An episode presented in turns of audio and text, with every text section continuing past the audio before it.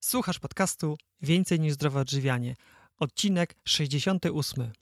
Dzisiaj będzie o tym, jak zmiany w diecie i słuchanie tego podcastu zmieniło życie moich słuchaczy. Ja nazywam się Michał Jaworski i w tych audycjach opowiadam o różnych aspektach zdrowego trybu życia. Jeżeli naprawdę zależy Ci na tym, czym karmisz swoje ciało i umysł, to te podcasty są właśnie dla Ciebie.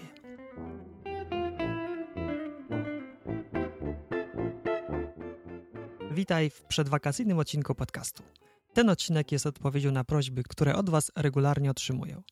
Okazuje się, że każdy z nas, lub przynajmniej większość, lubi słuchać historii innych osób. Może to po części wynikać z takiej zwykłej ludzkiej ciekawości, ale również, a może przede wszystkim, z tego, iż nasz umysł człowieka lubi przykłady. Przykład jest czymś, co urealnia, nadaje kształtu, pozwala wręcz spróbować i osobiście przekonać się, że teorie, o których gdzieś ktoś coś powiedział, teorie, o których ktoś coś przeczytał, te teorie po prostu działają w praktyce. Że to nie jest tylko jakiś wymysł, ale wskazówka, nawet czasem przepis, jak krok po kroku osiągnąć zamierzony cel, na przykład poprawę stanu zdrowia. Oczywiście każdy z nas jest inny i to, co działa na jedną osobę, niekoniecznie w 100% tak samo zadziała na drugą. Będzie o tym wspominać jedna z moich dzisiejszych rozmówczyni. Jednak dzięki przykładom mamy dodatkową motywację. Tak właśnie, motywację, bo jak się okazuje, tego nam najbardziej potrzeba. Dzięki przykładom mamy motywację i siłę, aby sami wprowadzać pozytywne zmiany w swoim życiu. Dzięki przykładom wiemy, że są osoby, którym się udało, więc dlaczego nie miałoby się udać i nam? Dlaczego nie miałoby się to udać i tobie? No właśnie, jeżeli więc szukasz, jeżeli więc potrzebujesz motywacji do pozytywnych zmian w swoim życiu, to w tym nagraniu znajdziesz coś dla siebie. Usłyszysz dzisiaj trzy historie. Pierwsza będzie z Sylwią. Sylwia jest bardzo młodą, oczywiście jak dla mnie osobą, dopiero co kończy studia i można powiedzieć wchodzi w dorosłość. Tym bardziej się cieszę, że naszego bloga, naszego podcastu słuchają również tak młode osoby. A dlaczego się cieszę?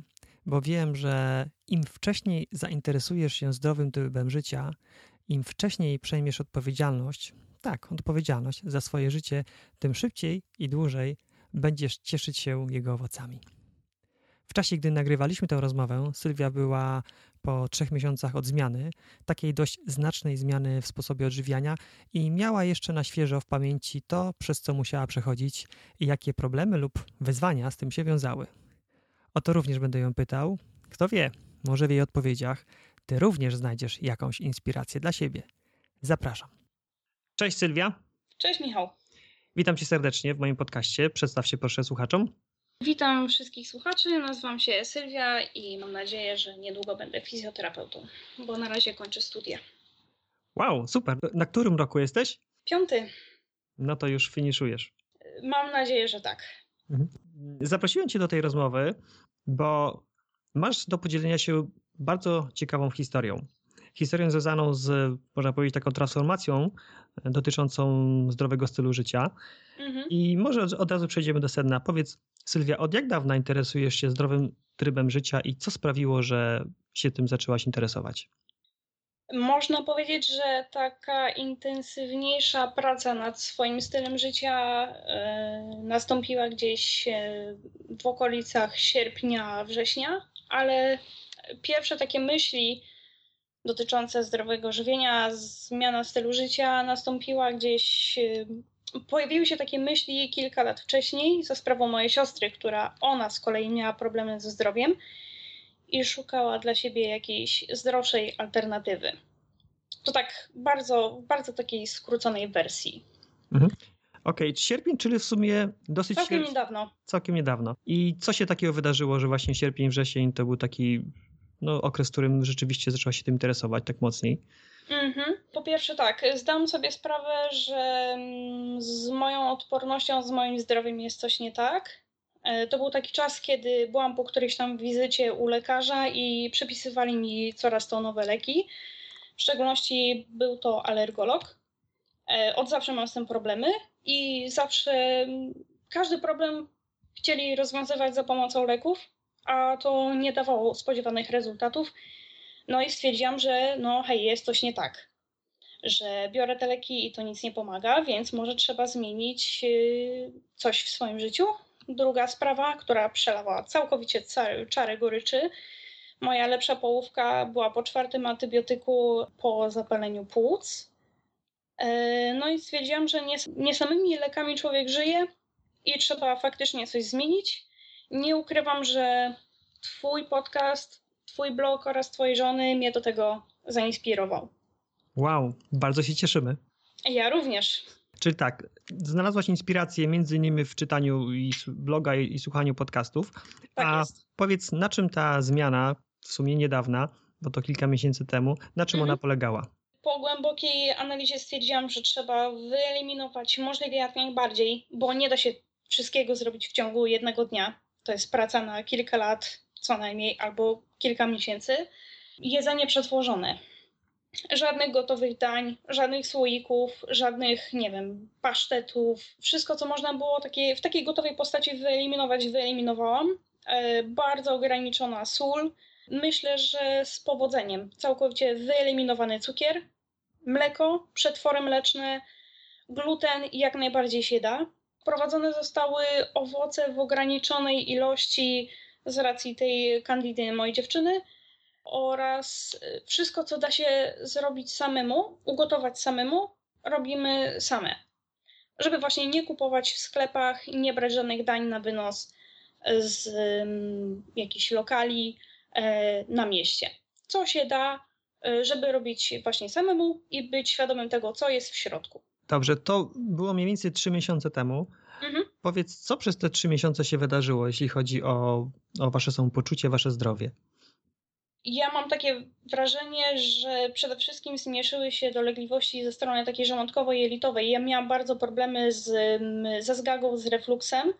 To po części ma związek z tym, że jestem wcześniakiem i mój zwieracz żołądka nie został wykształcony do końca i to niestety ma takie konsekwencje długofalowe. I o dziwo nie muszę ża brać żadnych y, leków, y, czy jakichś mantii, czy coś takiego, żeby właśnie sobie te objawy zlikwidować. Nie ma takiej potrzeby. Już, już nic takiego się nie pojawia. Jeżeli chodzi y, o moją lepszą połówkę, to też zniknęły objawy takie typowo jelitowe związane z kandidą, bo coś takiego właśnie się pojawiło. Jest to udowodnione chociażby na wynikach krwi po tych czterech antybiotykach, tak? Więc były problemy, tych problemów nie ma. Jest znacznie lepsze samopoczucie i nie ma też takiego poczucia ociężałości po jedzeniu, co było wcześniej taką normą, można powiedzieć. Oczywiście nie taką pozytywną, tylko taką negatywną. Czyli ustąpiły problemy żołądkowo-jelitowe, Mhm. y, poprawiły się wyniki krwi u twojej dziewczyny. A co to były za wyniki krwi? Morfologia czy coś innego? To były specjalne badania krwi pod kątem y, obecności czy tam poziomu y, kandidy w organizmie. Coś takiego zasugerował lekarz, który przerwał antybiotykoterapię, bo stwierdził, że czwarty antybiotyk to już jest przesada, że organizm jest zagrzybiony i polecił zrobienie takich badań czy tak naprawdę jest, jak on sądzi, e, i badania to potwierdziły.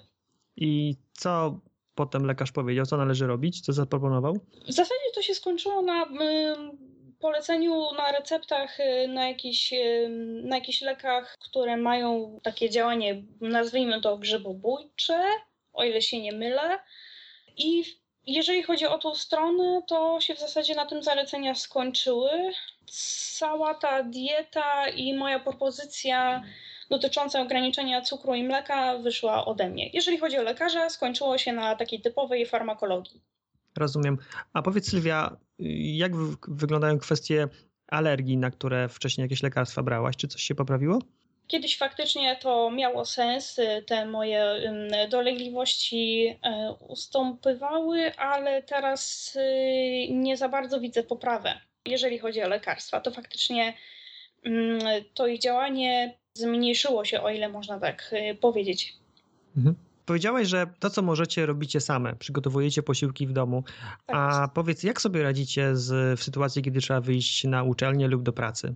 Wykształciliśmy w sobie taki nawyk przygotowywania posiłków y, wcześniej. Bywa tak, że mamy zajęcia na jakąś tam późniejszą godzinę, jakaś 10-11, jak to na studiach bywa i zamiast y, spać dokąd się da, wstajemy wcześniej rano i przygotowujemy sobie coś na wynos. Bez pudełek praktycznie można powiedzieć, że nie wychodzimy, żeby to się nie ograniczało tylko do kanapek. Zdarza się, że gotujemy sobie jakąś kaszę gryczaną, jaglaną, do tego jakieś y, warzywo, jakieś y, mięso, tofu, co nam wpadnie tak naprawdę pod ręce. I z takim mam nadzieję, pełnowartościowym posiłkiem wychodzimy na uczelnię i to nam bardzo smakuje i służy. Świetnie. A powiedz, co było najtrudniejsze w tej zmianie w tych ostatnich trzech miesiącach? Ta zmiana wymagała, zmiana stylu życia, zmiana e, sposobu żywienia wymagała zmiany takiej trochę myślenia czy mentalnej.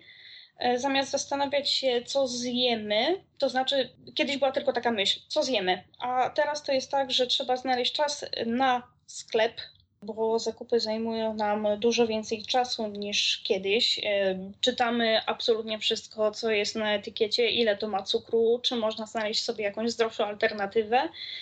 Mm, przed zakupami szukamy jakichś ciekawych przepisów, które mogłybyśmy sobie zrealizować na najbliższe mm, kilka dni. Czy to jest na pewno zdrowe, czy ten przepis nie zawiera właśnie za dużo cukru, mm, w przepisie jest ileś tam soli, czy da się tego uniknąć. Taka organizacja. Najtrudniejsza chyba była organizacja, żeby, żeby więcej, znaleźć więcej czasu na zakupy i więcej czasu na gotowanie, bo wcześniej były jakieś tam słoiki, coś tam mrożonego, a teraz trzeba było właśnie się tak zorganizować, zebrać sobie, żeby, żeby znaleźć ten czas y, na to przygotowanie obiadu czy posiłku y, na wyjście. A masz może jakieś już przetestowane przez, w tym okresie mm, takie rady, jak rzeczywiście sobie z tą organizacją poradzić, żeby w, pomimo tego, że no każdy z nas ma dużo obowiązków, uczelnia, mhm. praca, coś, co tak e, szczególnie Wam ułatwia te przygotowywanie posiłków i, no i zdrowe odżywianie się? Fantastyczną rzeczą okazało się, co wyszło zupełnie przypadkiem, przed wyjściem na jakieś większe zakupy, zrobienie sobie takiego spisu mniej więcej dań, jakie byśmy chciały zjeść w ciągu najbliższego, powiedzmy, tygodnia. Robimy sobie właśnie taki spis tych dań i sprawdzamy, jakie składniki są do tego potrzebne, i potem sobie spisujemy listę zakupów, dzięki czemu w ciągu tygodnia nie musimy tracić czasu na robienie zakupów y, na bieżąco, tylko wracamy do domu i od razu wszystko jest w domu, możemy zabrać się od razu do pracy. Bo z mojego doświadczenia i z doświadczenia moich znajomych i rodziny okazuje się, że bardzo takim bolesnym obowiązkiem jest chodzenie na zakupy po pracy, kiedy już najchętniej by się wróciło do domu. Okazuje się, że da się tego uniknąć. Czyli jak rozumiem, planowanie i organizacja, zaplanowanie sobie posiłków na dłuższy okres czasu, na przykład na mhm. tydzień, przełożenie, mhm. przełożenie ich na listę zakupów i jednorazowe zrobienie zakupów po to, żeby już w kolejnych dniach nie trzeba było wychodzić do sklepu i robić tych zakupów. Tak jest. Wracam do domu, wszystkie składniki są pod ręką i biorę się z ochotą e, do pracy. Zamiast myśleć sobie po wyjściu z pracy czy z uczelni, o Jezu, jeszcze muszę wyjść do sklepu i nie wiadomo ile czasu mi się to zejdzie. Rozumiem. Powiedz Sylwia, co jeśli chodzi o zdrowy styl życia, zdrowe odżywianie, co jeszcze chcia, chciałabyś osiągnąć? Osiągnąć tak, tak naprawdę chciałabym bardzo wiele i planów jest dużo. Myślę, że wraz ze zmianą, wraz ze skończeniem studiów, ze zmianą e, też mieszkania, bo teraz są takie warunki typowo studenckie, też e, trochę kwestia finansowa e, ma tutaj znaczenie. Chciałabym jeszcze więcej robić sama w domu, jeżeli chodzi o posiłki. Chciałabym na przykład zacząć piec sama chleb, robić jakieś swoje przetwory warzywne, owocowe. I mam też nadzieję, że wraz y, z takim praktykowaniem w kuchni, że nabiorę takiej biegłości i nie będę musiała za każdym razem przeglądać przepisów w internecie, żeby coś wymyśleć ciekawego na obiad, tylko będę robiła wszystko z głowy. Mam nadzieję, że to nastąpi w niedługiej przyszłości. Staram się. Z tego, co mówisz, to zapewniam cię, że jesteś na jak najlepszej drodze, bo no, trening czyni mistrzem. To takie może klepane powiedzenie, ale rzeczywiście to się sprawdza. Jeżeli robisz pierwszą, drugą, trzecią potrawę, no to rzeczywiście jest trudno, ale jak robisz już trzydziestą, to okazuje mhm. się, że pięć kolejnych możesz wymyśleć już z głowy, bazując na tej wiedzy, którą i doświadczeniu, bo to też jest ważne, bo to nie wiem, jakie jest twoje zdanie, natomiast to, co ja się spotkałem na początku swojej drogi, to to, że nie wszystkie przepisy, które brałem do ręki, które przekładałem na pokarmy, nie wszystko się sprawdzało, w sensie to nie było takie smaczne, jak czasem autorzy zapowiadali, więc na początku tych kilka tych potraw, takich najlepszych, dobrze jest sobie wybrać i potem rzeczywiście można już samemu te potrawy tworzyć. Zdecydowanie tak, absolutnie się zgadzam. Już teraz wiem, że trzeba brać poprawkę na każdy, każdy przepis, jaki się znajdzie i bazując na swojej e, wiedzy, chociażby tej szczątkowej doświadczeniu, trzeba samemu myśleć i dostosowywać do własnych potrzeb. Świetnie. Powiedz, Sylwia, co byś doradziła? Jesteś o tyle bardzo dobrą rozmówczynią, bo zaczęłyście trzy miesiące temu, więc jest, jestem pewien, że dużo jeszcze pamiętasz z tych początków. Mhm. Powiedz, co byś doradziła osobom, które właśnie są w takim okresie, jak ty byłaś e, trzy miesiące temu, kiedy dopiero stwierdziłaś, że ok, ja chcę coś zmienić, chcę zmienić swoje odżywianie, sposób życia, żeby czuć się zdrowiej, czuć się lepiej. Co byś doradziła? Jak do tego podejść, żeby, żeby się nie zniechęcić i uzyskać jak najszybciej, jak największe, jak najlepsze efekty? Tutaj z racji mojego, mam nadzieję, przyszłego zawodu e, troszeczkę mi się myślenie zmieniło w ciągu życia i nauczyło mnie coś tego, że jeżeli sami czegoś nie podejmiemy, żadnego wysiłku, nikt za nas tego nie zrobi. Ani lekarz, ani farmakolog, ani dietetyk, ani trener personalny. Jeżeli sami nie będziemy chcieli czegoś zmienić, nikt za nas tego nie zrobi. Mogłabym zrzucać odpowiedzialność za moje samopoczucie i nie tylko swoje zdrowie na lekarzy, ale jak życie pokazało, to nie przyniosło y, oczekiwanych rezultatów. Y, I myślę, że uświadomienie sobie tego jest początkiem i chyba najważniejszą rzeczą. Bo jeżeli sobie coś takiego uświadomimy, to każda następna decyzja będzie mm, dla nas łatwiejsza, bo to nie jest tak, że ktoś nam każe, tylko my sami tego chcemy. Okej, okay, muszę troszeczkę zmniejszyć y, ilość soli w mojej diecie, bo ja tego chcę. E, muszę zmniejszyć podaż cukru, bo ja tego chcę każda następna decyzja wydaje się być łatwiejsza. I z każdym następnym dniem, kiedy jestem zmęczona, a mimo wszystko muszę coś sama ugotować, nie jest to taką męką, bo wiem, że robię to dla siebie i dla moich bliskich, bo to ma się przysłużyć mojemu zdrowiu i samopoczuciu, bo nikt tego nie zrobi za mnie. To jest chyba taka główna myśl. Nikt tego za mnie nie zrobi. Czyli uświadomić sobie, że chcesz to zrobić i że to ty musisz podjąć ten wysiłek, bo nikt inny z twoim zdrowiem nie, nie zatroszczy się tak dobrze jak ty. Tak jest. Rewelacja, bardzo, bardzo Ci dziękuję. Powiedz tak na koniec, czego mogę Wam życzyć? Dalej tego zapału, który jest obecnie. Żeby dalej iść tą ścieżką, żeby dalej e, chcieć rozwijać się w tej dziedzinie, żeby chcieć kontynuować ten zdrowszy styl życia i żeby każdy dzień następny był jeszcze zdrowszy niż ten poprzedni. O, ślicznie to powiedziałaś, więc naprawdę bardzo, bardzo Ci życzę. Widzę, że zapału w Tobie jest bardzo dużo. To życzę Ci, żeby on nie wygasł, tylko rzeczywiście każdego dnia był jeszcze większy, aby ta chęć do zdobywania wiedzy, bo no, zdrowy styl życia to przede wszystkim też wiedza, żeby wiedzieć na tej półce, co wybrać, a czego nie, czyli żebyście miały ten zapał do zdobywania wiedzy i jak najwięcej udanych przepisów i radości z domowego przyrządzania posiłków Ci życzę. Dziękuję bardzo i Wam również tego życzę. Ślicznie dziękuję za rozmowę. Dziękuję bardzo. W drugiej części podcastu poznasz Justynę i Grześka. W historii Grześka przyjrzałem się trochę jak w lustrze.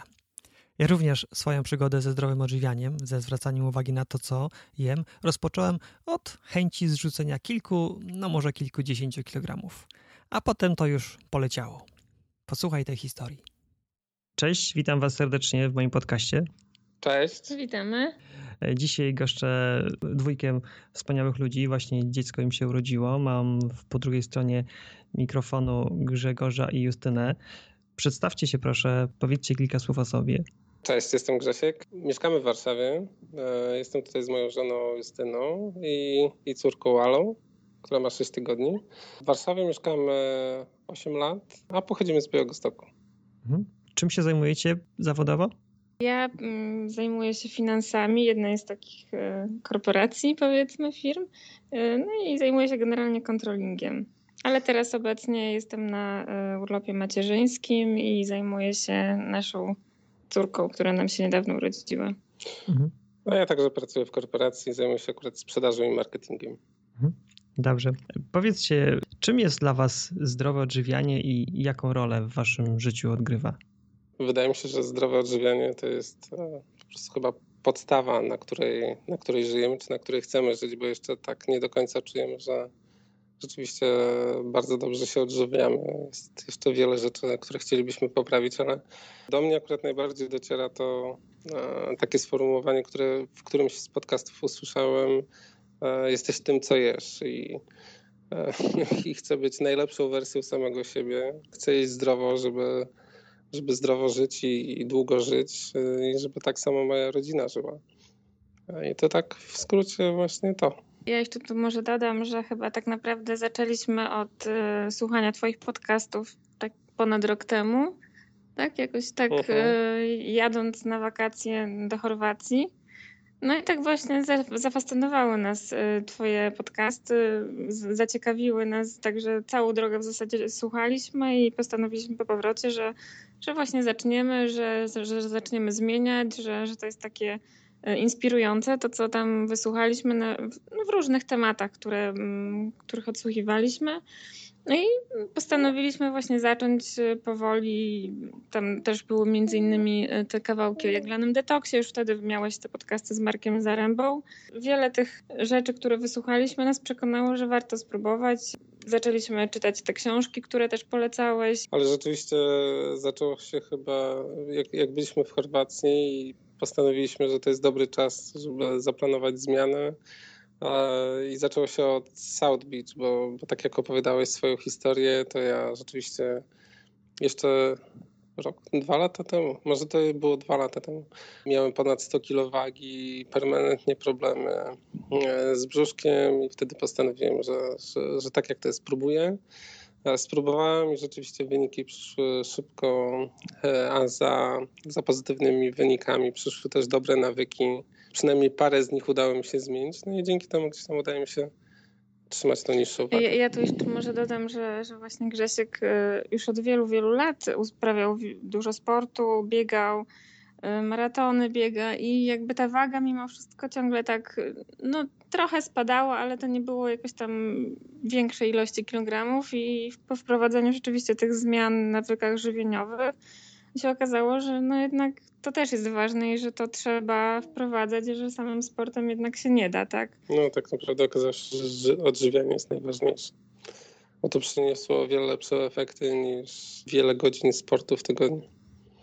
Wow, jest mi szalenie miło, naprawdę. Nie spodziewałem się, że takie miłe słowa usłyszę, to że dzięki moim podcastom takie zmiany u was nastąpiły. Naprawdę nie można sobie wyobrazić większej nagrody za pracę, którą się wkłada, niż takie słowa, które teraz powiedzieliście. Także bardzo, bardzo Wam dziękuję.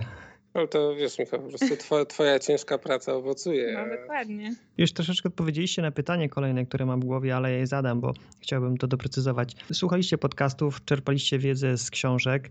Jakie były Wasze pierwsze kroki? Jaka taka pierwsza, większa zmiana nastąpiła w Waszym stylu życia, w Waszym odżywianiu? Taka, która no, pokazała wam, że wow, że to jest właśnie ta droga, że to ma sens po prostu. Tak naprawdę ta pierwsza zmiana to, było, to była dieta South Beach i przejście na całkowicie inny sposób odżywiania, eliminując te wszystkie produkty, które były podstawą mojego poprzedniego odżywiania. Dosyć e, tłuste jedzenie, bardzo dużo tego jedzenia, mało warzyw, mało wody, tak naprawdę nie, nie, nie podeszliśmy do zmiany krok po kroku, tylko podeszliśmy dosyć rewolucyjnie. Najfantastyczniejsze w tym wszystkim było to, że, że to nam super leżało. E, dobrze się potem czuliśmy. Waga poleciała po prostu kosmicznie w dół. I ja w tym samym czasie startowałem w półmaratonie i pobiłem rekord życiowy, będąc na diecie South Beach w trakcie tych dwóch tygodni. I to było świetne. E, to było bardzo dobre. No, zauważyliśmy tylko, że jak dłużej byliśmy na tej diecie, to ona dłużej jakoś nam już tak nie podchodziła. Dlatego zdecydowaliśmy się zmienić ją bardziej na, na alkaliczną. Mhm. A, a pochwal się Grzegorz, ten kosmiczny spadek wagi to konkretnie ile zrzuciłeś? Nie, wtedy w dwa tygodnie 8 kilo. No właśnie, brawo. A Justyna, jak to z twojej perspektywy wyglądało, te pierwsze kroki? Znaczy u mnie to jest tak, że y, ja też jakoś dużo nigdy nie ważyłam. Zawsze ważyłam około 62-3 kilo, no ale zawsze chciałam tak 5 kilo sobie zrzucić, no bo tak czułam, że potrzebuję. Tak też zawsze byłam aktywna fizycznie. Próbowałam biegania, chociaż mi to nie za bardzo leżało, no i tak nie za bardzo. Nie byłam w stanie 5 kilo zrzucić. Y, a, a czułam, że, że bym bardzo chciała, no i, i nagle właśnie te, te takie wprowadzenie tych wszystkich rzeczy, nie wiem, wiem, właśnie picie dużej ilości wody. Ja też y, mam takie jakby problemy zdrowotne, miałam, y, znaczy mam nadal, tak, tach, tachykardię, czyli przyspieszoną akcję serca. No i kardiolog mi zalecił, że muszę dużo wody pić, także to jest w ogóle bardzo dobre ogólnie dla organizmu i to dużo, jakby nigdy tego nie pilnowałam tak nawet będąc w pracy, no to zwróciłam na to uwagę i po prostu cały dzień udało mi się tak pić jakieś właśnie to napary, herbatki, y, woda i jakby pilnowałam tego. No zaczęliśmy też dużo gotować w domu, także te nasze przygotowywane obiady braliśmy do pracy, no bo jakby jednak jedząc rzeczy niekoniecznie przygotowane przez nas, no niekoniecznie są zdrowe. Nie wiemy co jest, z czego jest to zrobione i no i nawet właśnie te wszystkie przygotowywane przez nas produkty i, i, i obiady, które braliśmy przekąski do pracy, no to super, jakby ja się czułam, że, że ja jem to, co sami wiemy, z czego zostało zrobione, przygotowane przez nas. I w pracy ogromna zmiana. Wszyscy mówią, że ja tak schudłam. Ja mówię, ale ja skąd tylko 5 kilo? I rzeczywiście, bo te 5 kilo mi się udało, ale było tak ogromnie zauważalne. Jakby to nie było tak bardzo dużo na moją uwagę, no bo to było tak akurat to, co ja potrzebowałam. Ale no, nie, nie było to je, je, też jakieś takie zatrważające, ale wystarczyło na tyle, że ja się czułam z tym dobrze, że czułam się fajnie. I, i rzeczywiście naszą główną motywacją chyba było gdzieś tam zrzucenie, zrzucenie paru kilo, ale to jak się czujemy bez tych paru kilo, to nie tylko kwestia lekkości, ale kwestia po prostu takiej poprawy samopoczucia. Po prostu jest świetnie, tak? No, mhm. no, no czujemy się bardzo dobrze. Ja jeszcze gdzieś tam chciałbym trochę trochę zrzucić, ale, ale jest w porządku, jest, jest, jest fajnie. A jeszcze tak kontynuując odpowiedź na, na pytanie, im dłużej się tym interesujemy, tym bardziej podchodzimy e, rzeczywiście ewolucyjnie do tego i zaczęliśmy zwracać uwagę na to, co jemy, zaczęliśmy zwracać uwagę na to, skąd są produkty którymi się żywimy. Pochodzimy z Białegostoku i tam mieliśmy zawsze świetny dostęp do ekologicznych, prawdziwych e, warzyw, owoców, mięsa czy jaj e, wiejskich w Warszawie. Po prostu zaczęliśmy szukać ekologicznych za twoją namową, no i da się, tak? I tak. rzeczywiście tak. szukamy przede wszystkim tylko takich źródeł i, I wszystko pod to podporządkowujemy, gotujemy prawie wszystko sami i tylko w ten sposób staramy się odżywiać, e, ale też bez przesady, tak. E, jest czas na to, żeby wyjść ze znajomymi, spotkać się i też poświętować czasem, więc mhm. to też jest miła taka odmiana czasu. Tak, to jest właśnie bardzo dobre, że dzięki temu, że zwraca się uwagę na, te, na to, co jemy każdego dnia, to raz na jakiś czas można sobie zrobić mniejsze lub większe święto i bez wyrzutów sumienia no, zrobić jakieś odstępstwo, bo zapracowaliśmy sobie na to i raz na jakiś czas, jak coś się wydarzy, to rzeczywiście nie rujnuje tej pracy, którą się włożyło do tej pory. Zaczęło się mniej więcej rok temu. Powiedzieliście, że jesteście na swojej drodze do zdrowego odżywiania, że są jeszcze jakieś rzeczy do zrobienia. Co w, tym roku było dla Was najtrudniejsze, jeśli chodzi o zmiany tych nawyków, wprowadzanie nowego sposobu odżywiania? Co było najtrudniejsze i jak sobie z tym poradziliście? Oczywiście w ostatnim czasie to raczej skupialiśmy się na tym, żeby... Szukaniu e, rzeczy ekologicznych w zasadzie. Znaczy tak naprawdę źródło zakupu, e, źródło tych wszystkich produktów, które chcemy mieć, to oczywiście to, to, to jest jedna rzecz, ale ale to chyba mniejsza, mniejszy kłopot, ale sam okres ciąży Justyny i to, żeby w tym okresie Justyna odżywiała się jak najlepiej i jak najlepszymi produktami, bo od tego zależy życie naszego dziecka nie, nie na rok, tylko na, na całe życie. Tak naprawdę to dla nas była podstawa rzecz i tak naprawdę walczenie z, chyba z tymi codziennymi pokusami yy, i nawet wtedy, kiedy, kiedy jest już późno i chce się iść spać, no to dalej ktoś walczył w kuchni z przygotowaniem obiadu na kolejny dzień. No to, to, chyba, to chyba rzeczywiście było wyzwanie, bo po, po to, żeby, żeby właśnie jeść więcej warzyw, żeby jeść jak najwięcej tych pełnowartościowych posiłków, e, żeby nie jeść w pędzie, żeby nie jeść rzeczy przypadkowych, e, bo jak lodówka jest pusta, to je się się to, co jest przygotowane przez fabrykę, a nie przez, przez nas samych. A, a wiadomo, że to już nie będzie tak zdrowe jak to, co, to, co sami byśmy zrobili. Mhm. Takim największym wyzwaniem to chyba ciągle nieustającym jest jednak y, nie uleganie tym pokusom y, jadania rzeczy gotowych, tylko przygotowywanie wszystkiego samodzielnie od początku. Mhm.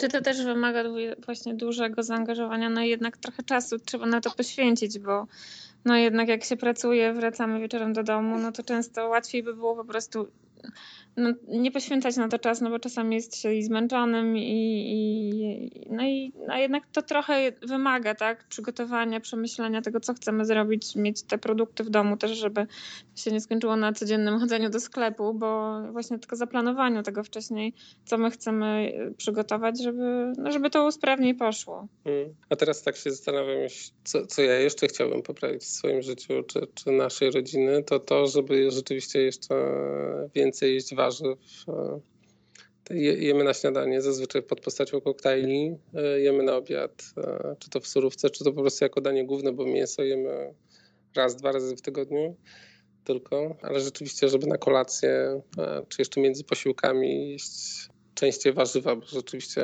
jakieś ok. Pieczemy razem chleb i jemy kanapki, ale, ale, ale jeszcze tutaj można byłoby coś poprawić. Wiem też, że planujecie przejść y, oczyszczanie, y, dietę oczyszczającą. E, powiedzcie, co to będzie za dieta i jakie nadzieje wiążecie w związku z tym? W ogóle dlaczego decydujecie się coś takiego przeprowadzić?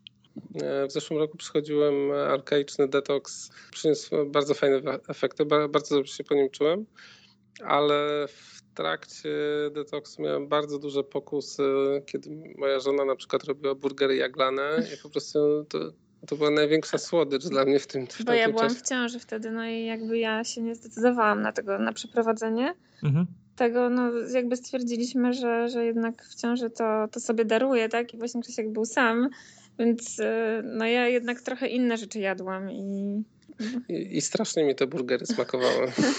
Mimo tak, że byłem na tym detoksie, e, który nie, nie uwzględniał kaszy jaglanej, dlatego pomyślałem, że to jest kolejny krok dla mnie. Sam detoks e, bardzo pozytywnie. Tak jak Justyna mówiła, dosyć aktywnie trenuję. Teraz przygotowuję się do maratonu. Chciałbym jeszcze tego, tego lata wystartować w swoim pierwszym triatlonie. E, I rzeczywiście tych godzin treningowych w tygodniu jest dużo i chciałbym mieć trochę więcej kalorii w jadłospisie i dlatego jaglany detoks myślę, że najlepiej by mi pasował. A jak długo wytrzymałeś na poście warzywno-owocowym? Nie, no wtedy byłem dwa tygodnie. Tak, 10 dni samego postu plus 4 dni, w, 2 dni wprowadzenia i 2 dni wyjścia mhm. na zupie jaglanej. Mhm. Okej. Okay. Jakbyście mieli dać jedną radę, jedną radę osobie, która zaczyna, która zastanawia się nad wprowadzeniem zdrowego odżywiania, nie wie od czego zacząć, ma jakieś obawy, jakbyście mieli powiedzieć jedną rzecz, to co by to było? Próbować, nie bać się. To jest naprawdę świetna sprawa dla, dla zdrowia siebie i swojej rodziny I, i trzeba spróbować. Trzeba chcieć znaleźć w sobie motywację, i, i walczyć, tak? Bo, bo, łatwo czasami nie jest, ale jak się znajdzie w sobie motywację i chęć do zmiany, no... Mamy taką czwórkę znajomych, którzy czasami no, trochę się z tego śmiali, że co wy znowu za nowe diety wymyślacie, bo, bo za każdym razem coś tam im podpowiadaliśmy. Tak, na początku każdy reaguje, reaguje jak, jak, jak się spotykaliśmy przynosiliśmy na przykład na imprezę zamiast e, tarty z owocami jakieś tam słodkie, no to przynieśliśmy fasolowe brownie ze stewiu, no to oczywiście był szok, tak. I, mhm. E, i niedowierzanie, ale próbowali. próbowali tak. smakowało. Nie wierzyli, że to jest z fasoli na przykład. Takimi małymi kroczkami gdzieś tam ich przekonywało i właśnie ci najwięksi sceptycy zaczęli próbować e, i gdzieś tam szukać, e, szukać tych informacji i wprowadzać je w swoim życiu, więc e, ja nikogo nie zniechęcę do jedzenia, do niejedzenia słodyczy, bo sam się nie jestem w stanie się do tego namówić, ale ja, ja zachęcam każdego do picia większej ilości wody, bo to jest coś, co każdy jest w stanie zrobić i to rzeczywiście przynosi bardzo szybką poprawę jej samopoczucia, jej stanu organizmu i wypicie dwóch szklanek wody przed śniadaniem, przed obiadem, przed kolacją i, przed, i, i, jeszcze kolejnych czterech szklanek w ciągu dnia, to nie jest duże wyzwanie, nie wymaga zbyt wiele od, od siebie, a to jest rzeczywiście pierwsza taka fajna rzecz, którą można zrobić e, dla swojego organizmu, no i szukać tych warzyw, tak. dla nas chyba jeszcze jedną z takich pierwszych rzeczy, która fantastycznie podziałała i rzeczywiście już od kilku lat e, to praktykujemy, to są koktajle warzywno-owocowe. e, na śniadanie i to jest po prostu wulkan energii na, na cały dzień.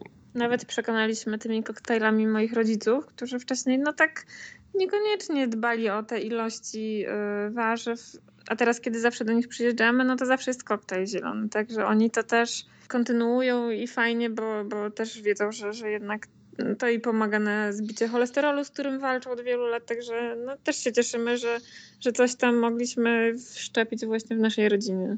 Czyli podsumowując tych takich rzeczy, aby zachęcić osoby, które zaczynają, to pierwsza to jest picie większej ilości wody, bo to rzeczywiście nie wymaga jakiegoś takiego wielkiego poświęcenia, a efekty są bardzo widoczne i przychodzą bardzo szybko. A druga rzecz to przemycanie tych warzyw, choćby w postaci koktajli owocowo-warzywnych, aby jak najwięcej tych warzyw alkalizujących w ciągu dnia w siebie jakoś tam wdusić. Mhm. Dokładnie. No, bardzo mi się podobało to, że to jak mówiliście, że poprzez mówienie o tym, czego słuchacie, czym się interesujecie lub jak, jak, jak jecie, dajecie taki przykład e, znajomym i to w jaki sposób procentuje. Prędzej czy później jakiś, jakaś część osób się zaczyna interesować i, i te dobre wieści poprzez to, że ja mówię, że wy mówicie, one się rozchodzą i może wspólnie zachęcimy większą ilość ludzi, żeby zadbali o swoje zdrowie, i bo to naprawdę przynosi efekty w postaci mhm. lepszego samopoczucia i, no i ogólnie będziemy zdrowsi. Dokładnie, warto inwestować w zdrowie niż później, tak jak ja często tam mówię rodzicom, niż kupować później leki, tak? No bo mhm. to, to fajnie jednak w ten sposób zadbać o siebie. Mhm. mhm. Dokładnie. To tak podsumowując, pijmy więcej wody, pijmy więcej koktajli owocowo-warzywnych, a wydamy mniej pieniędzy na lekarstwa. No i mam nadzieję, że będziemy żyli zdrowiej i dłużej. Mhm. Super, dobrze, bardzo, bardzo Wam dziękuję za wywiad. Dziękuję bardzo, Michał. Dziękujemy. Mhm.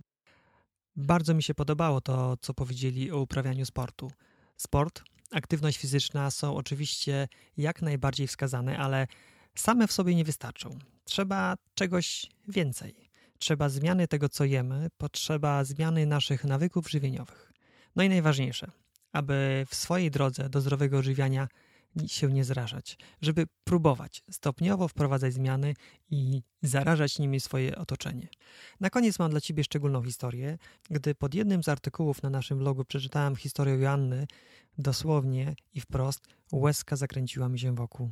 Jak różnie mogą się potoczyć losy ludzi, jak wielkie wyzwania i zadania czasem stawia przed nami życie. Temat oczywiście związany z wpływem diety na zdrowie, jednak jak się zaraz przekonasz, wykracza daleko poza zmianę diety. Zapraszam. Cześć Asia. Cześć. Witam cię serdecznie w moim podcaście. Przedstaw się proszę słuchaczom, kim jesteś, czym się zajmujesz. Nazywam się Anna Data, mam 32 lata. Kilka lat temu zostałam żoną, niedługo później też mamą bardzo żywiołowego młodego człowieka.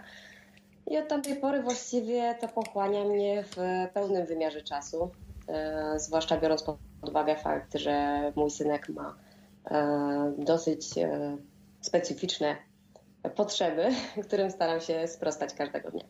Powiedz kilka słów o Kubusiu, twoim synku, bo wiem, że ma dosyć taką rzadką chorobę, której nawet trudno mi jest ją wypowiedzieć.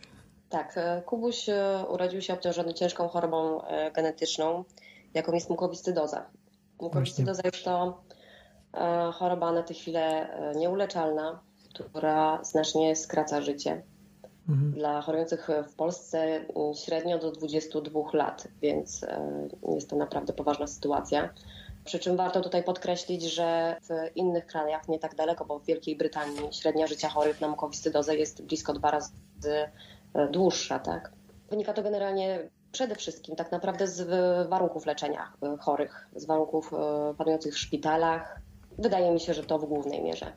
Mhm. Natomiast e, co do, co do samej choroby, tak, generalnie polega ona na tym, że w różnych organach w ciele dochodzi do zalegań bardzo lekkiego śluzu, co prowadzi w konsekwencji do zaburzeń funkcjonowania, innymi płuc, wątroby, trzustki czy jelit to ostatecznie prowadzi do wyniszczenia tych organów. Takim jednym z pierwszych objawów choroby tak to było akurat u mojego synka, jest zewnątrzwydzielnicza niewydolność trzustki, która ujawniła się tak naprawdę już w czwartym tygodniu jego życia więc bardzo wcześnie, no, czyli oznacza to, że często już od pierwszych dni, tygodni życia chory na mukowiscydozę cierpi na bardzo poważne zaburzenia trawienia i wchłaniania, co już jakby samo przez się wskazuje na to, że dieta na pewno będzie tutaj odgrywała bardzo dużą rolę. Mhm. Wspomniałaś, że na długość życia osób dotkniętych tą chorobą duży wpływ mają warunki leczenia. Powiedz, co medycyna akademicka, taka tradycyjna, ma do zaoferowania osobom z chorobą mukowiscydozy? Generalnie, jak wspomniałam, jest to choroba na tę chwilę nieuleczalna, a zatem jej leczenie jest leczeniem objawowym. Polega w głównej mierze na bieżącym odpowiadaniu na e, problemy, które pojawiają się u konkretnych pacjentów oraz e, zapobieganiu powstawaniu jakichś e, ryzykownych objawów. I tak na przykład u pacjentów z niewydolną trzustką, tak jak, jak to ma miejsce w przypadku mojego synka, stosuje się suplementację enzymami trzustkowymi, żeby w ogóle umożliwić trawienie tłuszczów i białek. Dawka tych enzymów jest dobierana indywidualnie do potrzeb każdego chorego, Następnie jest ona przeliczana na zawartość każdego grama tłuszczu znajdującego się w posiłku. Oznacza to, że ja gotując muszę e, być świadoma tego, ile porcja, którą nałożę kubusiowi na talerz, będzie zawierała tłuszczu. Do tego muszę dopasować dokładnie dawkę enzymów, które pomogą mu e, ten posiłek strawić. Idąc dalej, e, aby zredukować jakby ryzyko zalegania wydzieliny w oskrzelach i płucach, stosuje się inhalacje, które mają za zadanie rozrzedzenie tej, tej wydzieliny, a następnie drenaże, które z kolei tą rozrzedzoną wydzielinę powinny ewakuować e, z drzewa skrzeli. Tutaj do pomocy stosuje się np. kamizelki oscylacyjne czy specjalne e, ćwiczenia oddechowe, przyrządy właśnie służące do, do takiej modulacji oddechu, żeby jak największą e, ilość tej, tej wydzieliny móc ewakuować. Są to wręcz takie czynności higieniczne, tak? One dla nas są jak mycie zębów, mhm. ponieważ są to czynności powtarzane rutynowo, codziennie, każdego dnia. Ich częstotliwość zależy od, e, od bieżącego stanu, tak? Przy infekcji jest ich więcej i tak dalej. No jak już wspomniałam, no jeśli, jeśli mówimy o, o niewydolności trzustki, no to mówimy też o, o zaburzeniach wchłaniania w związku z czym konieczna jest suplementacja witamin, zwłaszcza tych rozpuszczalnych w tłuszczach, tak? Mowa tutaj o witaminach A, D, E i K. Tutaj też konsekwencją jest też to, że bardzo ciężko jest chorym osiągnąć prawidłową masę ciała, tak? Zazwyczaj są oni wychudzeni, niedożywieni, stąd też e, zalecenia stosowania diety wysokokalorycznej, wysokobiałkowej i wysokotłuszczowej, co, co można e, łatwo się domyślić na dłuższą metę może prowadzić do do poważnych powikłań, tak, bo jest to dieta jednak bardzo ciężkostrawna. Mhm. Ja rozumiem, że jest to choroba nieuleczalna i nie można uleczy, wyleczyć przyczyny choroby. Jedyne, co można zrobić, to łagodzić jej objawy, ewentualnie doraźnie leczyć organy, które w jakiś sposób funkcja ich pracy została zakłócona. Zgadza się, tak to na tą chwilę wygląda. Mhm. Kubuś ile lat ma w tej chwili? No ponad cztery. Okej, okay. i jak się cofniesz w pamięcią te cztery lata do tyłu, to czy był jakiś taki moment, w którym, który był jakimś przełomem dla ciebie, jeśli chodzi o, o, o leczenie kubusia, albo może raczej zapobieganie rozwoju tej choroby? To znaczy, jeśli miałabym przytoczyć jakiś taki jeden konkretny moment takiego jakby przełomu, to był to przełom jakby nie, nie tyle w leczeniu choroby, co jakby w moim podejściu do, do leczenia, tak? Mhm. Od samego początku bardzo e, restrykcyjnie i sumiennie e, przykładałam się i ja i mąż do do przestrzegania jakby zaleceń e, lekarzy, do stosowania się stricte właśnie do, e, do ich zaleceń bardzo rzetelnie. Stosowaliśmy zalecane przez nich preparaty, tak, mowa tutaj o, o suplementach e, multivitaminowych, a także odżywkach wysokoenergetycznych, które miały zapewnić Kubusiowi prawidłową masę ciała. Teoretycznie tak też się działo, to znaczy, y, na papierze wszystko wydawało się, że się zgadza, tak? To znaczy, masa kubusia mieściła się w siatkach centylowych, badania nie, nie wskazywały żadnych niedoborów, y, jeśli chodzi o, o witaminy. Wyniki krwi były też zawsze prawidłowe, natomiast no, widać było, że w brzuchu nie dzieje się dobrze, że są problemy z tym trawieniem. Y, badanie na, na, na poziom wchłaniania w tym najgorszym takim momencie kiedy, kiedy, kiedy ten stan zdrowia Kubusia już był naprawdę kiepski, były na poziomie 60%, tak? No to jest, to jest naprawdę bardzo kiepski wynik. Mhm. Cierpiał po prostu z powodu częstych wymiotów, braku apetytu.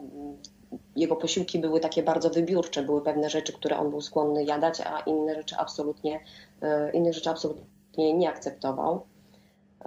Natomiast no, widać było, że, że, że coś jest na rzeczy, że, że coś nie dzieje się do końca tak. No i kiedy jakby zaczęłam e, wiązać jakby fakty i wyciągać wnioski i szukać tak naprawdę właśnie tego powodu, dlaczego coś jest nie tak, pomimo tego, że na papierze jakby wszystko się zgadza, tak, wyniki są ok, widać jednak, że coś, że coś jest nie tak.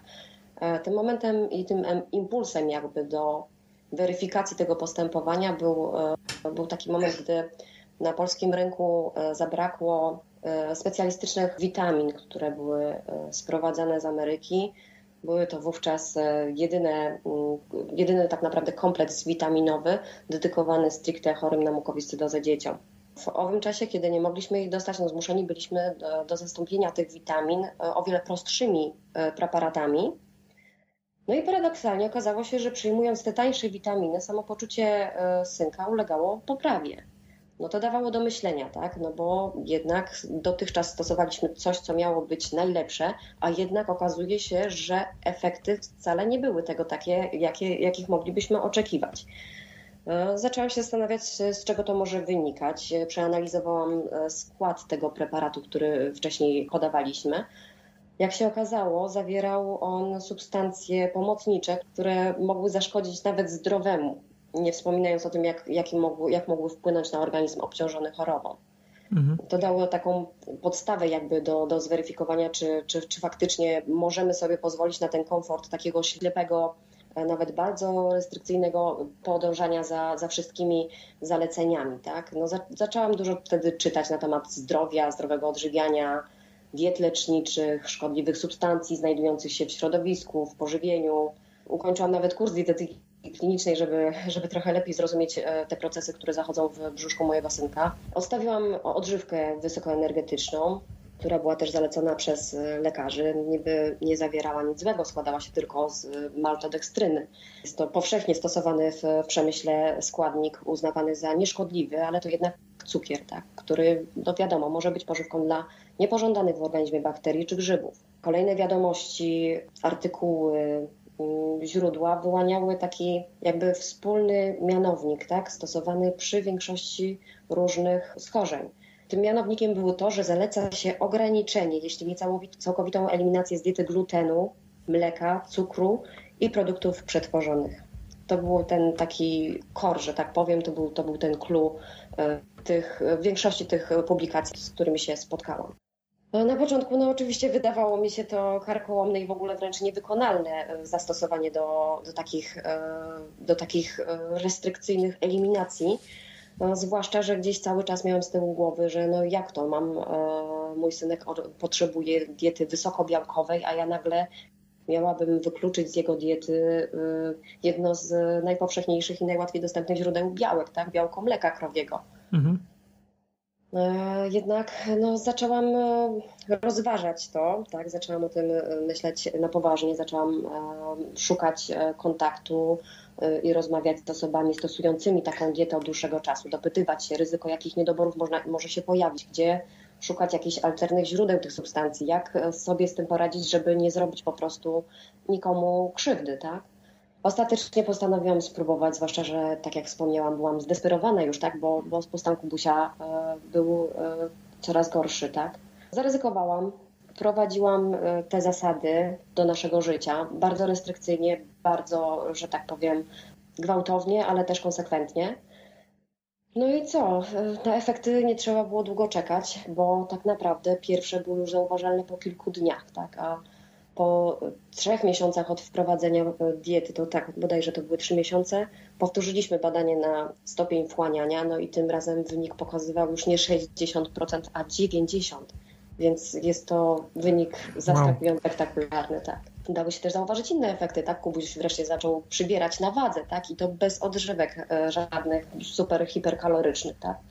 Jedząc właśnie zdrowo, jedząc kaszę jaglaną, jedząc kaszę gryczaną, jedząc komosę ryżową, jedząc mięso, drób, tylko i wyłącznie właściwie, jedząc ryby, udało się, oczywiście dużo warzyw, owoców, udało się spełnić założenia tej diety, tak? Udało się spełnić założenia tej diety, no i jak się E, okazało w momencie takiej, e, dla mnie trochę takiej ostatecznej weryfikacji, czyli podczas jednego z takich systematycznych e, bilansów, którymi każdy chory musi być poddawany, tak, po to, żeby ocenić właśnie jego stan zdrowia, postęp choroby, stan odżywienia i żeby w miarę szybko wyłapać to, czy w organizmie nie dzieje się coś alarmującego, co można by, na co można by zareagować już zanim to naprawdę będzie, będzie niebezpieczne.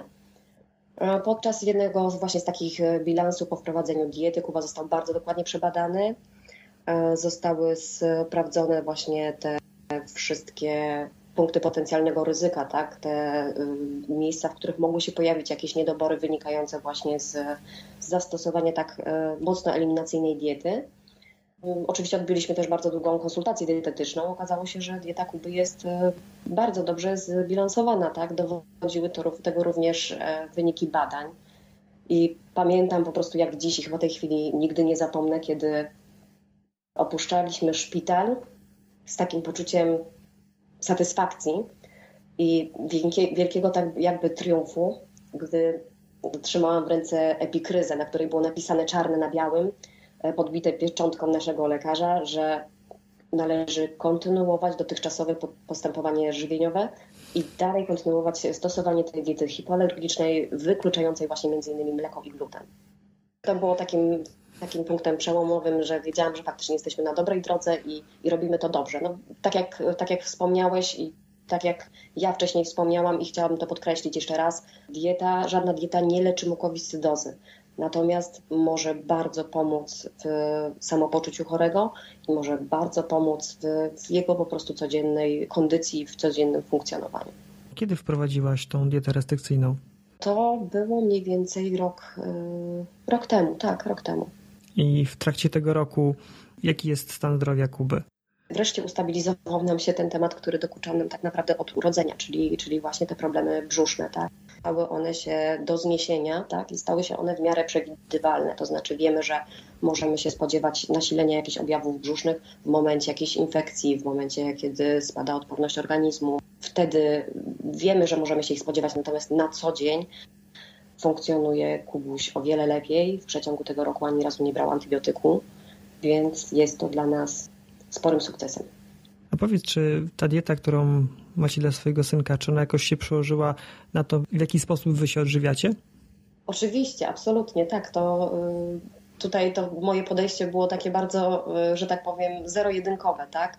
Y, nie chciałam dopuścić do takiej sytuacji, żeby synek cierpiał patrząc na to, jak ja obiadam się na przykład serkiem, na który on ma wielką ochotę, a ja mówiłabym mu nie, bo ty nie możesz. No, absolutnie nie, nie wyobrażam sobie takiej sytuacji. E, uznałam, że skoro oczekuję jakby efektów od tej diety, to to muszą być efekty, które będą pozytywne dla nas wszystkich. I, i, i tak też się stało. Tak? Wszyscy jesteśmy na takiej diecie od ponad roku i ja i mój mąż. Wiadomo, no zdarzają się tam nam dorosłym, że tak powiem, jakieś e, odstępstwa, mhm. ale są to sytuacje raczej sporadyczne i na co dzień bardzo ściśle przestrzegamy e, zasad tej diety, czujemy się świetnie.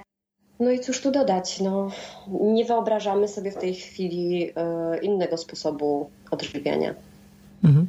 Tak jak opowiadałaś, to się zamyśliłem, bo zaczęliście od tego, że dokładnie stosowałaś zalecenia lekarzy, które między innymi sprowadzały się do mm, wysokoodżywczych różnych środków po to, żeby dziecko nabrało masy, jakieś witaminy, jak się później okazało, z dodatkami, które no nie do końca dobrze służą zdrowiu, a wystarczyło tak naprawdę zmienić dietę, uprościć ją, wrócić do takiej bardzo prostej diety z eliminacją, jak powiedziałaś, glutenu, nabiału, cukru, aby rzeczywiście odnieść bardzo, bardzo wyraźne, wyraźną poprawę. Takie najprostsze rozwiązania czasem są najtrudniejsze do odkrycia. Tak, tak, to bo jesteśmy jednak przyzwyczajeni do pewnej e, wygody na co dzień, tak? O wiele łatwiej jest wyjąć z lodówki jogurt i poczęstować nim dziecko, niż samemu gotować zupę, tak? No, wiadomo, jest, są, to, są to rozwiązania e, czasochłonne, wymagające pewnej właśnie konsekwencji, wiedzy, natomiast e, są to niewątpliwie skuteczne rozwiązania, więc absolutnie jestem zdania, że być może Nie dla każdego te zalecane przez, przez medycynę środki mogą być aż tak bardzo szkodliwe, jak, jak, jak to było w naszym przypadku. Natomiast jestem zdania, że mm, to, co większość lekarzy uważa za najlepsze dla większości chorych, nie oznacza, że będzie to najlepsze dla każdego. Mhm. I ważne jest tutaj to, żeby pochylić się trochę nad, nad, nad swoją konkretną sytuacją, żeby zastanowić się nad tym, co tak naprawdę mi dolega, co tak naprawdę mnie dotyczy, jakie są tak naprawdę moje obawy, jak reaguje mój organizm, na co, w jaki sposób reaguje, tak? To moim zdaniem jest takie właśnie e, kluczowe do zrozumienia. Mhm.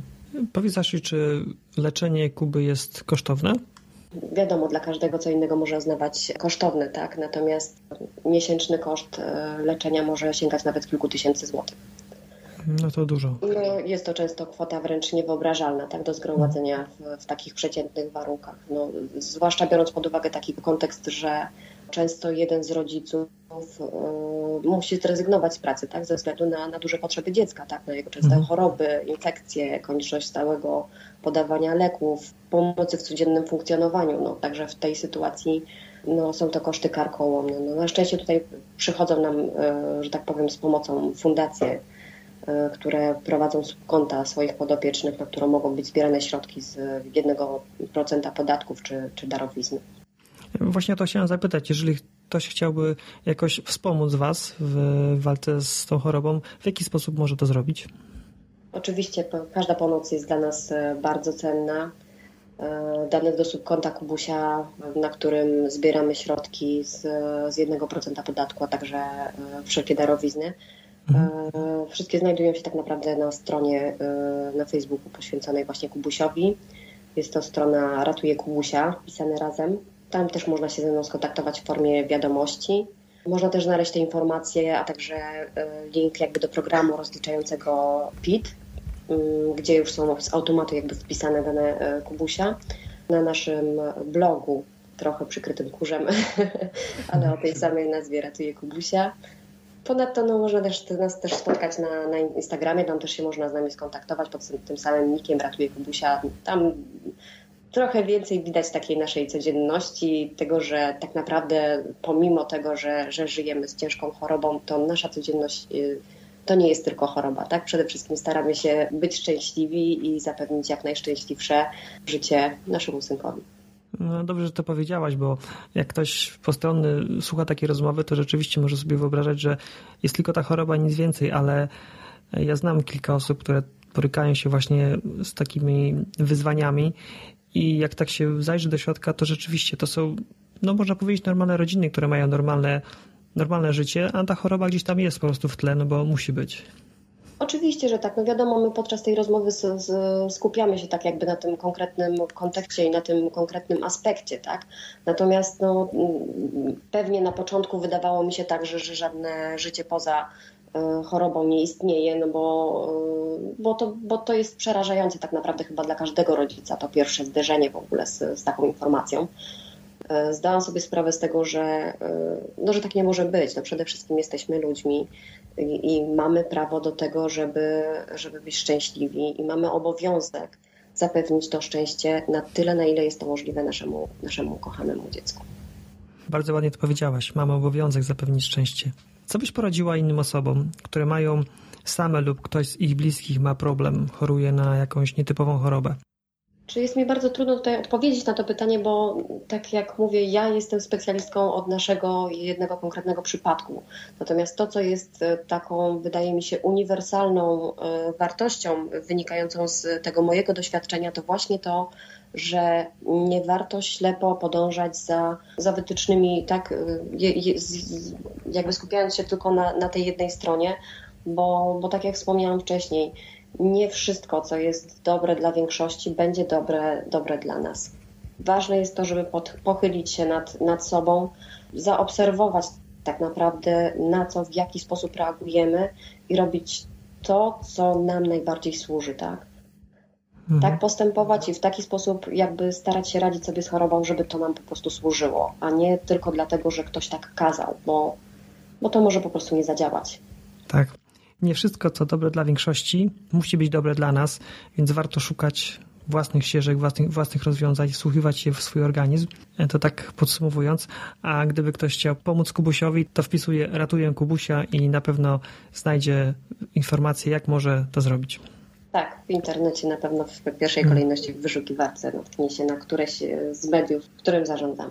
Bardzo dziękuję za wywiad i gratuluję tego zapału, tego poszukiwania i dążenia do odkrycia tej wiedzy, tych sposobów, jak jeszcze można pomóc swojemu dziecku, bo z tego, co powiedziałaś, to właśnie zmiana tej diety była kluczowa. I też jestem pod wrażeniem, że nawet kurs dietetyki zrobiłaś, żeby Kubusiowi pomóc, ale to, jak widać, to procentuje, bo ostatni rok, tak jak powiedziałaś, bardzo się poprawiło, więc gratuluję i trzymam kciuki, aby kolejny rok, kolejne lata były jeszcze lepsze.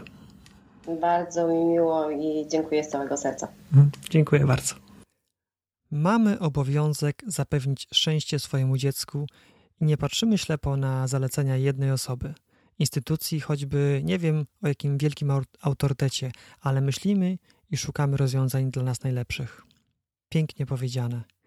Mam nadzieję, że właśnie wysłuchane historie dadzą Ci siłę i motywację do pozytywnych zmian również w Twoim życiu. Przed każdym z nas, przed każdym, życie stawia inne wyzwania. Tak, wyzwania.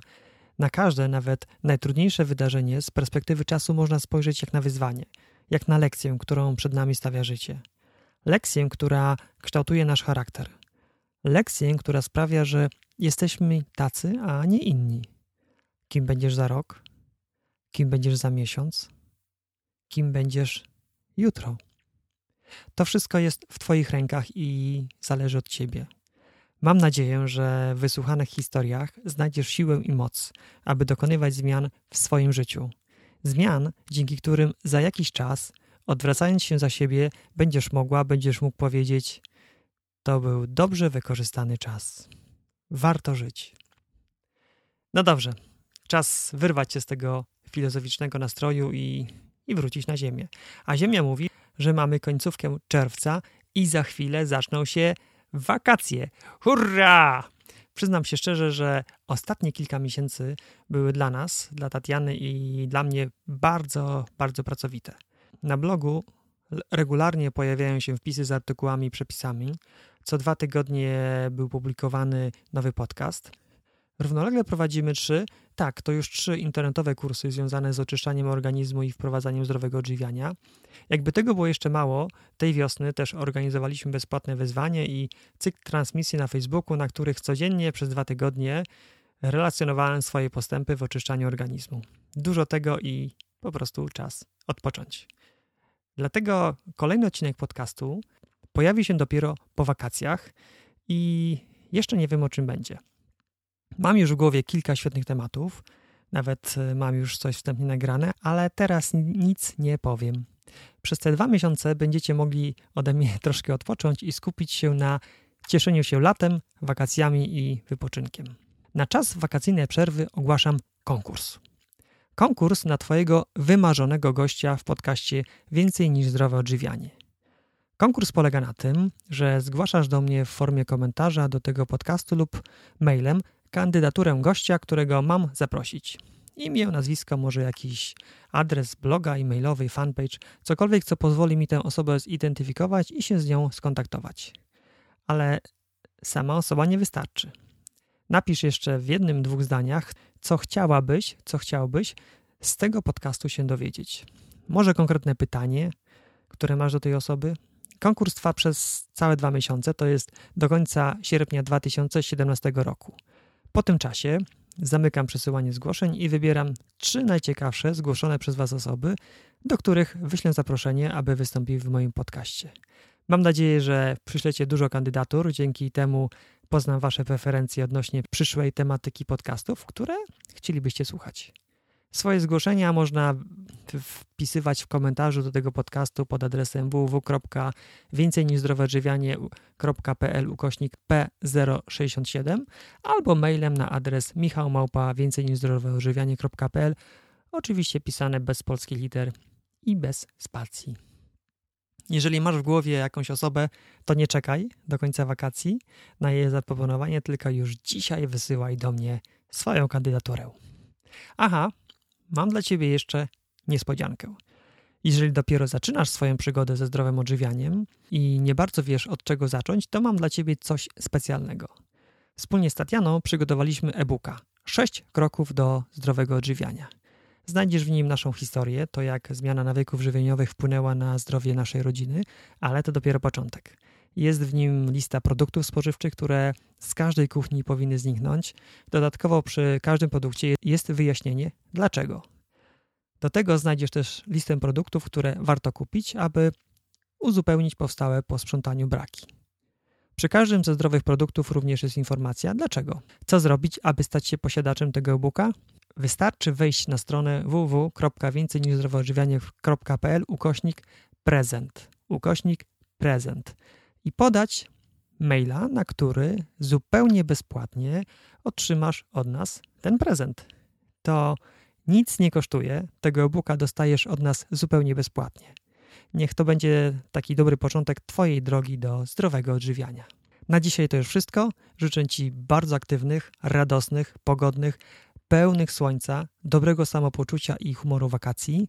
Niech ten czas posłuży Ci na odpoczynek. Pamiętaj o codziennej dawce promieni słonecznych, aby budować zapasy witaminy D3. Pamiętaj o konkursie na wymarzonego gościa podcastu i życzę miłej lektury e-booka 6 kroków do zdrowego odżywiania. No i do usłyszenia po wakacjach. Cześć!